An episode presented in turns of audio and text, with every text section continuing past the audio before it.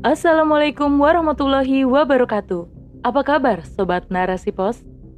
Kali ini bersama saya Giriani di rubrik opini. Narasipos.com. Cerdas dalam literasi media, bijak menangkap peristiwa kunci.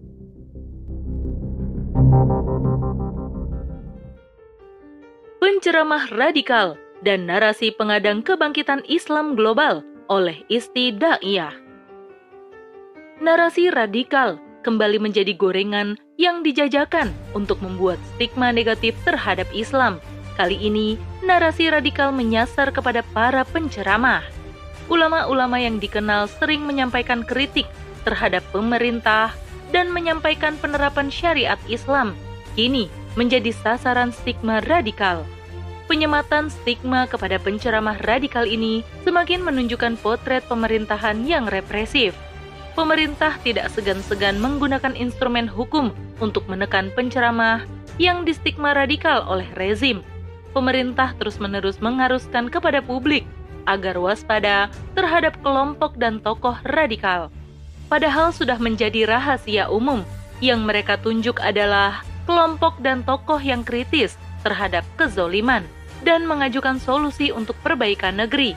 Narasi radikal sepertinya menjadi jurus jitu untuk membuka jalan agar masyarakat mudah untuk menerima segala sesuatu yang diputuskan pemerintah, baik benar ataupun salah.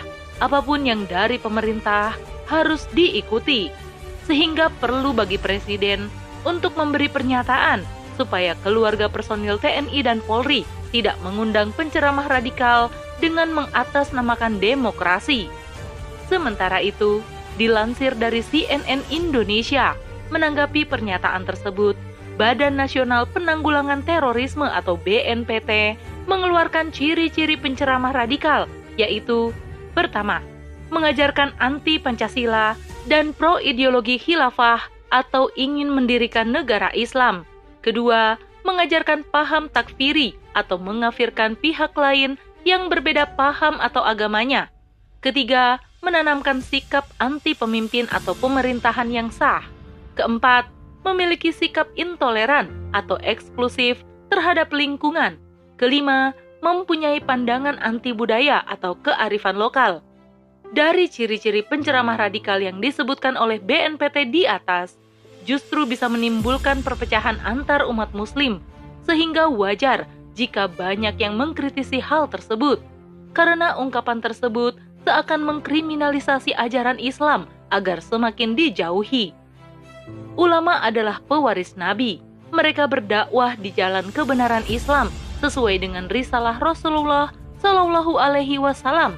Sehingga ketika ada penceramah yang menyampaikan Islam yang sempurna, namun berbagai tuduhan narasi radikal disematkan kepadanya, maka hal ini perlu dipertanyakan. Larangan mengundang penceramah radikal menurut rezim sebenarnya sudah bisa diendus maksud dan tujuannya. Hal ini bisa diartikan sebagai upaya membungkam kebenaran Islam yang seharusnya disampaikan kepada umat. Masyarakat pun akhirnya bisa menilai penyematan terhadap penceramah radikal sebenarnya hanyalah bentuk dari ketakutan dan ketidaksukaan terhadap Islam kafah serangan terhadap Islam semakin sering dirasakan oleh umat saat ini. Masifnya serangan terhadap Islam dan para pengembannya tidak bisa lepas dari strategi yang telah dirumuskan oleh Barat. Musuh Islam yang didukung oleh penguasa yang menjadi anteknya di negeri-negeri Muslim akan terus mengopinikan stigma negatif terhadap Islam. Tujuannya adalah untuk terus melanggengkan penjajahan mereka di negeri-negeri Muslim sehingga ajaran Islam tidak luput dari monsterisasi dan kriminalisasi. Adanya istilah penceramah radikal menambah daftar panjang hal tersebut. Setelah sebelumnya juga heboh, larangan cadar dan celana cingkrang di sejumlah kampus dan instansi pemerintah. Tenaga pengajar dan penceramah yang mengusung ide khilafah dituding sebagai pihak yang tidak pro pemerintah. Padahal khilafah adalah ajaran Islam sehingga umat dituntut cerdas dalam menyikapi masalah ini. Karena sesungguhnya penyematan stigmatisasi terhadap Islam juga terjadi sejak zaman Rasulullah Shallallahu Alaihi Wasallam oleh gerombolan kafir Quraisy Rasulullah Shallallahu Alaihi Wasallam selalu difitnah dan digelari dengan berbagai macam sebutan negatif dikarenakan kebencian yang tumbuh di dalam dirinya. Mereka memfitnah Rasulullah Shallallahu Alaihi Wasallam sebagai penyihir, orang gila, dukun, dan lain sebagainya. Bahkan di saat Rasulullah melakukan dakwah amal ma'ruf nahi mungkar secara terbuka, yang dengan tegas mengkritik sistem jahiliyah dan menawarkan Islam, Rasulullah dituduh memecah belah bangsa Arab. Sejak dahulu, Islam selalu menjadi sasaran tuduhan dan fitnah, dan ini juga terjadi pada saat ini. Monsterisasi ajaran Islam melalui perang istilah seperti radikal, garis keras, dan membenturkan dengan Islam moderat adalah proyek Barat untuk memecah belah umat Islam agar umat Islam tidak bisa bangkit dari keterpurukan. Padahal Islam adalah agama dakwah, menyeru kepada yang ma'ruf dan mencegah yang mungkar kepada seluruh dunia dengan cara damai dan rasional. Islam adalah gerakan peradaban, bukan sekedar agama ritual semata. Sebagaimana Allah telah berfirman yang artinya, kamu adalah umat yang terbaik yang dilahirkan untuk manusia, menyuruh kepada yang ma'ruf dan mencegah dari yang mungkar dan beriman kepada Allah. Quran Surat Ali Imran ayat 110 Sejarah Islam yang pernah ada selama kurang lebih 14 abad lamanya merupakan sejarah dakwah dan seruan dalam sistem dan pemerintahan. Islam adalah agama dakwah yang anti terhadap kezoliman dan penjajahan, meski untuk itu dituduh sebagai radikal. Dari zaman penjajahan Belanda sampai sekarang, istilah radikal memang dibuat untuk menghalangi bahkan melumpuhkan kebangkitan Islam. Padahal Islam tidak mengenal istilah radikal seperti yang Barat tuduhkan kepada umat ini. Islam adalah Islam, agama yang sempurna yang datang dari Allah Subhanahu wa taala. Jika diterapkan secara kafah, akan memberikan rahmat bagi alam semesta. Hai orang-orang yang beriman, masuklah kamu ke dalam Islam keseluruhan, dan janganlah kamu turuti langkah-langkah setan. Sesungguhnya setan itu musuh yang nyata bagimu.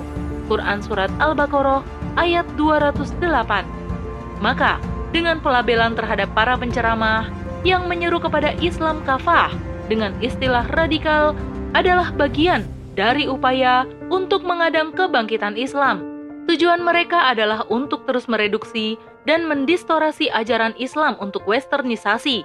Targetnya adalah umat Islam akan kehilangan ilmu dan sakofahnya.